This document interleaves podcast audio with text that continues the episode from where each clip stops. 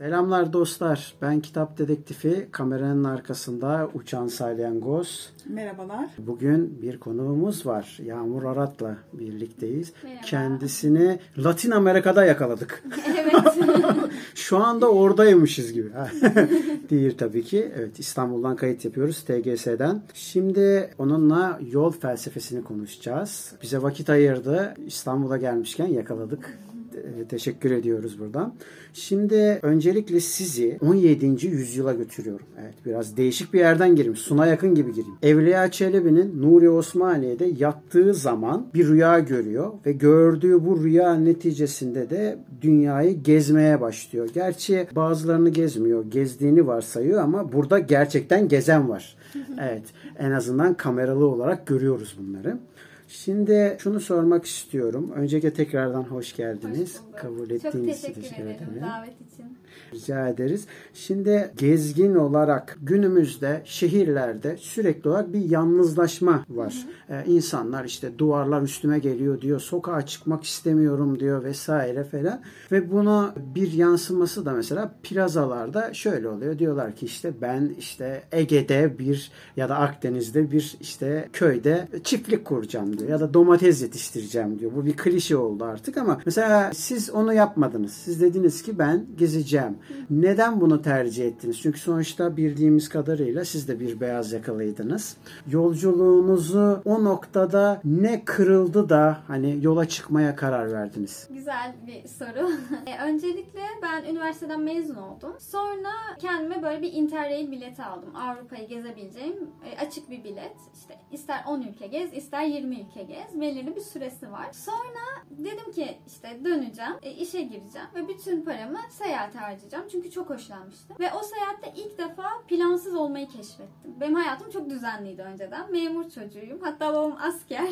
o yüzden böyle yani hayat planım belliydi. Ve orada böyle hani akşam ne yapacağım bilmemek, ne yiyeceğimi bilmemek, yarın hangi şehirde uyanacağım bilmemek benim çok hoşuma gitti. Sonra döndükten sonra işe girdim. Çok güzeldi işin ilk zamanları. Çünkü yeni bir şeyler öğreniyordum. Para kazanıyordum. Hani öğrencilikten sonra bunlar çok e, güzel geldi bana. Ama sonrasında bitti, tükendi. Yani öğrenebileceğim bir şey kalmadı. Bu hayatta çok bir şey bulamadım. Yani en azından ben öyle hissettim. E, hayatın 10 yıl sonrası belliydi ve bu bana biraz şey gelmeye başladı. gelmeye başladı.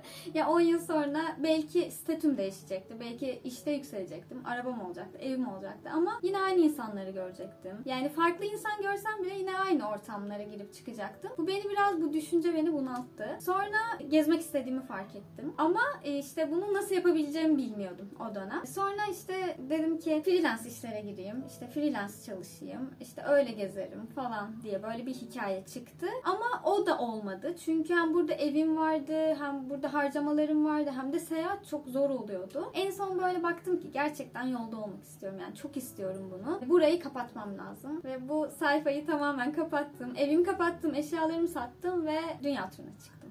Ve tek yön bir biletle çıktım. İşte tam bir film hikaye. Evet. evet.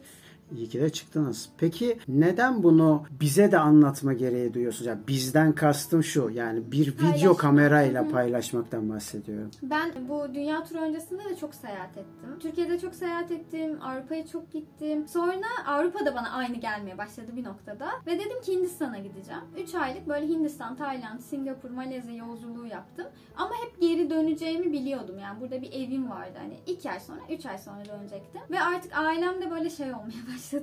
hani kızım sen ne yapıyorsun? İşte yeter artık doymadın mı? Bit ne zaman bitecek falan. Bir de hiç iletişim kuramıyoruz o zamanlar. Ben orada zaten hani hat almıyorum, Wi-Fi'den giriyorum, arada bir anneme yazıyorum. Gerçekten böyle eski zamanlar gibiydi. Ve ailem benim orada ne yaptığımı bilmediği için daha çok huzursuzlanıyordu. Sonra dedim ki yani ben dünya turuna çıkıyorum. Yarın öbür gün bunu bir yani bir sürü fotoğraf çeksem de o fotoğraflara bakmıyorum. Hani bunu bir videolaştırayım. Hem ailemle paylaşayım hem sevdiklerimle paylaşayım. Elimde böyle bir arşiv olsun mantığıyla aslında YouTube'a girdim. Ve gerçekten YouTube'dan para kazanabileceğim, fenomen ya da influencer olabileceğim düşüncesi hiç aklımdan geçmiyordu. Çünkü bana biraz şey geliyordu bu. imkansız. Evet böyle şeyler var ama beni bulmaz gibi geliyordu. Daha çok böyle ailem ve arkadaşlarımla paylaşma güdüsüyle aslında biraz kanalı açtım. Peki şimdi Göte'nin bir tane lafı var onu paylaşayım.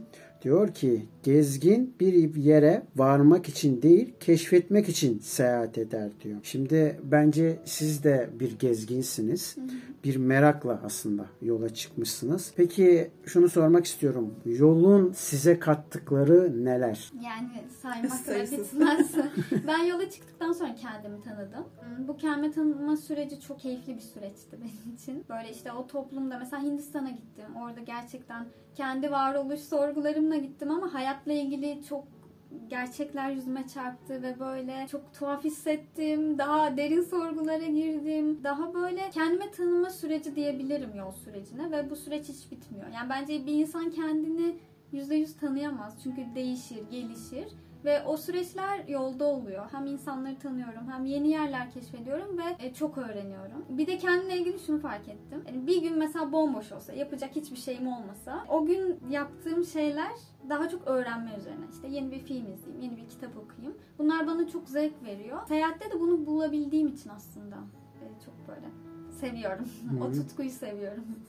Ee, bir söz vardı atalarımızın söylediği sözler. Bir kişiyi tanımak istiyorsan ya yola çıkacaksın derlerdi ya da yemek yiyeceksin derlerdi. O aslında dediğinin de karşılığı oluyor sanki. Evet çünkü yolda o zorlukları görüyor. Çok zor yani çok zorluklardan geçiyorum gerçekten. Ne kadar yansıtabiliyorum bunu bilmiyorum ama çok zor durumlar yaşıyorum. Burada bir konfor alanına sahibim ama orada hiçbir şeyim yok ve hiç tanıdığım hiç kimse yok. Ve yanımdaki birisi de o zorluktan geçerken ona verdiği tepki, bana verdiği tepki bu o insanın aslında daha saf halini oluşturuyor. Ya da benim saf halimi oluşturuyor. O yüzden kendi tanıma süreci diyorum. Öyle anlarda daha iyi tanıyabiliyorsunuz bir insanı. Evet evet bir ya şimdi biraz ulvi bir şey katıyormuş gibi olacağım da tabii ki öyle demek istemiyorum yani. Arınma gibi oluyor yani böyle biraz ilginç bir şekilde. Şeyi soracağım şimdi insanlar sonuç itibariyle bu sınavlara girdiği zaman tırnak içinde söylüyorum. Sonuçta psikoloji yükseliyor, düşüyor. Bazen çok ne bileyim sinirli olabiliyorsun, bazen çok mutlu olabiliyorsun vesaire. Ama mesela melankoli durumunda ne yapıyorsunuz yolda? Yani şu yüzden soruyorum. Özellikle Yağmur Arat diye soruyorum bunu. Yola tek çıkmıştın ilk başta. Sonra e, aslında başka arkadaşlar dahil oldu. Mesela tek olduğun dönem özellikle melankoli haline girdiğin zaman ya bu yolda bitmiyor kardeşim falan dediğin oldu mu? Ya da ne yaptın o anda yani? Yani yolda bir- herhangi bir duygu hissediyorsam onu yaşamaya çalışıyorum. Yani onu başımdan savmaya değil, işte onu geçiştirmeye değil. Çünkü o yani o duygu bir şekilde bana gelmiş ve bunu yaşayayım istiyorum. Ama böyle çok derin düşüşlerim ya da çok derin yükselişlerim olmuyor. Daha daha dengeli gidiyor. Yani onu yaşıyorum. Çıkamadığım olmuyor günlerce. Ve onu yaşamak da iyi geliyor bana. Hani mesela şehirlerde yalnızlaşma dedik ya ben bunu en iyi Tokyo'da gördüm, Japonya'da. Herkes çok bireysel yaşıyor. Herkes çok kendi halinde yaşıyor. O biraz böyle melankoliye sürükleyebiliyor insanı. Ama onu yaşadıktan sonra mesela baş, bambaşka bir yere gidiyorum. O şehrin yaşattığı duyguyu yaşıyorum. Bambaşka bir yere gidiyorum. Oradaki insanların sahip olduğu duyguyu yaşıyorum gibi böyle sürekli bir hareket halinde olunca çok şeye girmiyorsunuz. O duyguya çok derinine girmiyorsunuz en azından. Peki yola çıkmadan önceye dönmek istiyorum. Aslında biraz da bahsettin o dönemden ama 5 yıl sonraki önceki Yağmur'a yola çıkmadan önce ne tavsiye Zor bir ederim? soru bu. yani ne tavsiye ederim? Genel olarak hiç pişman olduğum hiçbir şey yok. Çünkü onların hepsi bir deneyim olarak geldi bana. Ama şeyi tavsiye ederim. Ben yolda öz sevgimin olmadığını fark ettim. Yani öz sevgimin eksik olduğunu fark ettim. Ve kendimi daha çok sevmeliyim. İşte kendime daha çok e, inanmalıyımı tavsiye edebilirim galiba. Aslında takip edenlerin ve seni bilenler için aslında çok merak edilen bir soru bu. Önümüzdeki dönemde, gerçi bize yayın öncesi söyledin, Evet. bizim için bir sır değil ama şu an için söylüyorum yani dinleyenler ve izleyenler için söylüyorum. Önümüzdeki dönemde gezi planında nereler var? Bir yaklaşık bir, bir buçuk ay sonra Tayland'a gitmeyi düşünüyorum. Ama henüz biletimi almadım ve her an bambaşka bir rotaya çevirebilirim bunu. Güney Kore seyahati çok istiyorum. Çünkü ben Güney Kore'ye gittiğimde Güney Kore'yi çok iyi tanımıyordum. Döndükten sonra Güney Kore kültürüyle çok daha fazla ilgilendim. O yüzden böyle oraya gidip bir tık daha be- belgesel içerikleri istiyorum. Özellikle K-pop işte olsun ya da Güney Kore'nin işte hani insanları, evleri, yaşayışları bunların hakkında birkaç fikrim var. Bir de şöyle bir planım var. Karavan almak istiyorum ve karavanda yaşamak istiyorum artık. Çünkü ben buradaki evimi kapattım ve öyle seyahate gittim. Sonra bir pandemi döneminde tekrar bir ev açtım. Ama e, genelde ev açınca evde hiç kalmadığımı fark ettim. İki ay kalıyorum ve e, 12 ay kira vermek istemiyorum. E, Ama bunun böyle bir dengesini de bulamamıştım çok. Çünkü hani sürekli göçebelikle bir yerde şey yapıyor insana. Bir yere ait olma ihtiyacı galiba hissediyorum bazı dönemlerde. O yüzden dedim ki karavan alayım. Karavan benim buradaki evim olsun işte E, ve onda kalayım full. Ama yurt dışına gidince de hani burada kalsın o gibi böyle planlarım var. Şahane o zaman. Evet. Takip edeceğiz. Videolarınızı bekliyoruz.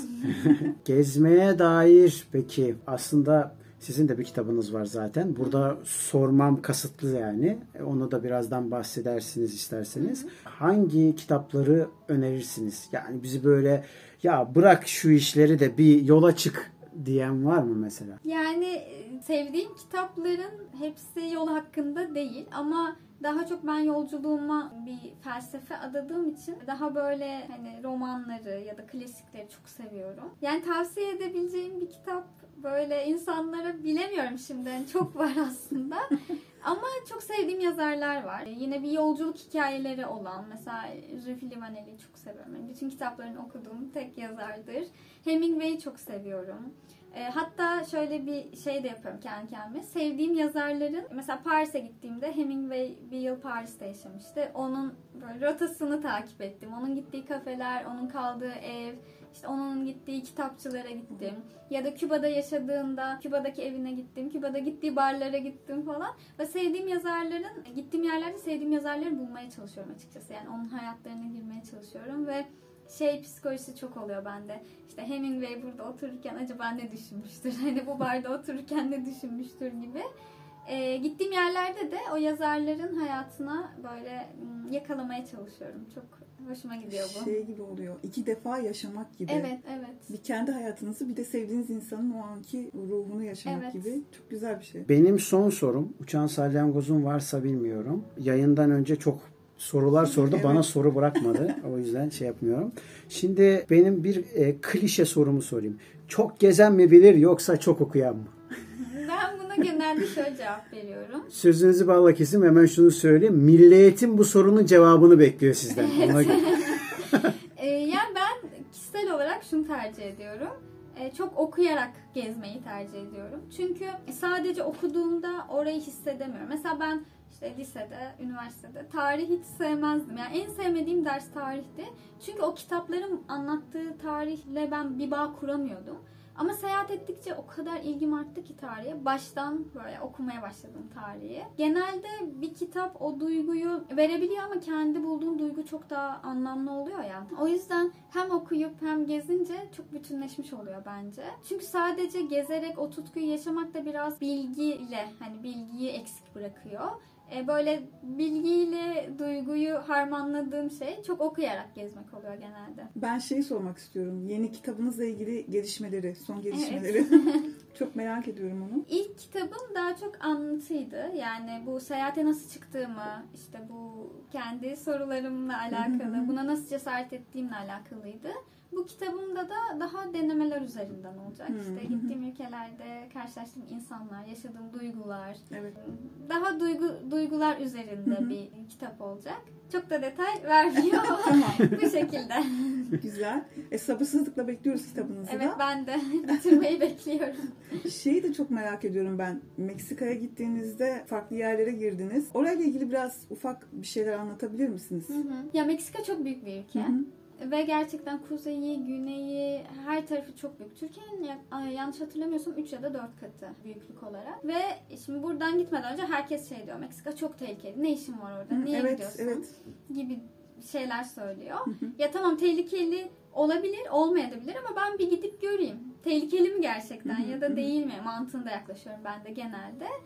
Ee, mesela oraya gittiğimde ben hiç... Bu arada 6 ay geçtim Meksika'da. Hani Evet, bir evet. iki ayda değil Evet. 6 ay. Ve yetmedi. Birçok yerine girmeye çalışıyorum. İşte lokal oradaki yerel insanlara inmeye çalışıyorum. Orada mesela çok farklı şeyler keşfettim ve bence çok güvenli bir yer. Yani o tehlikeli şeyleri sizinle alakalı olmuyor çok. Hani gezen birisiyle alakalı değil de yani bir uyuşturucu çetesine dahil olursanız Ha, evet, tehlikeli. Çünkü kendi aralarında çatışıyorlar ama sizlik bir durum olmuyor genelde. Orada mesela Zapatista köyüne gittik.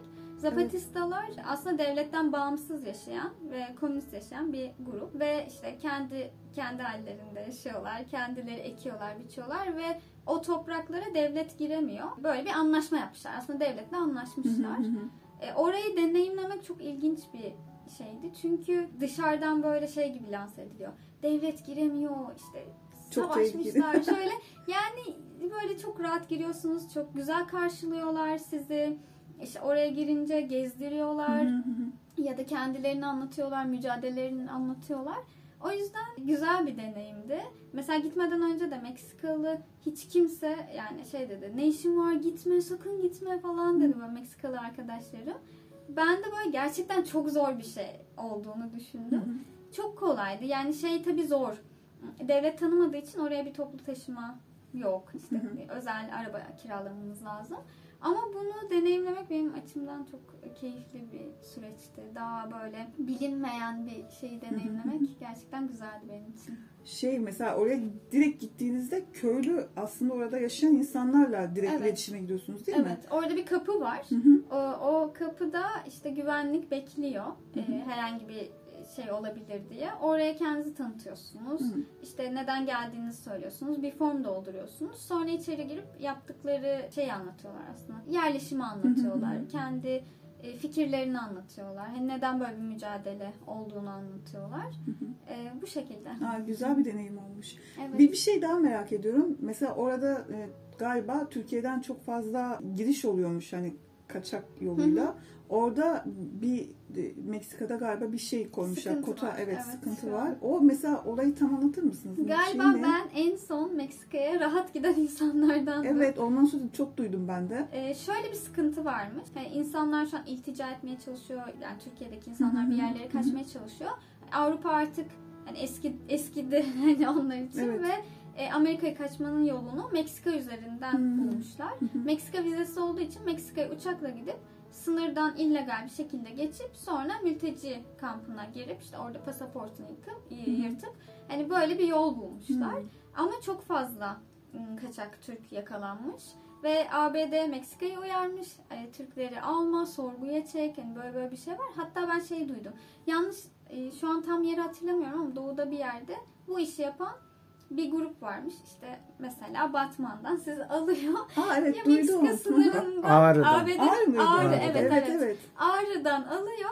E, Meksika sınırından şey ABD'ye geçirip bırakıyor. Böyle bir hizmet Evet, varmış. evet. Ve artık e, bu çok yaygın olduğu için ABD Meksika'ya baskı yapmaya başlamış. O yüzden artık böyle gelen Türk uçağının yarısı geri gönderiliyor. Ülkeye Ha, alınmıyor. Evet, evet. Sınır mevzusunda konuştuğumuza göre artık daha fazla tutmayalım sizi. Peki çok teşekkür ediyoruz Ben tekrardan. çok teşekkür ederim. Çok keyifli bir yayın oldu. Teşekkürler. Hoş geldiniz tekrar. Hoş hoş Türkiye'ye bulduk ve hoş geldiniz. görüşürüz. Evet görüşürüz. yani ben her an gitme halinde olduğum için. Peki.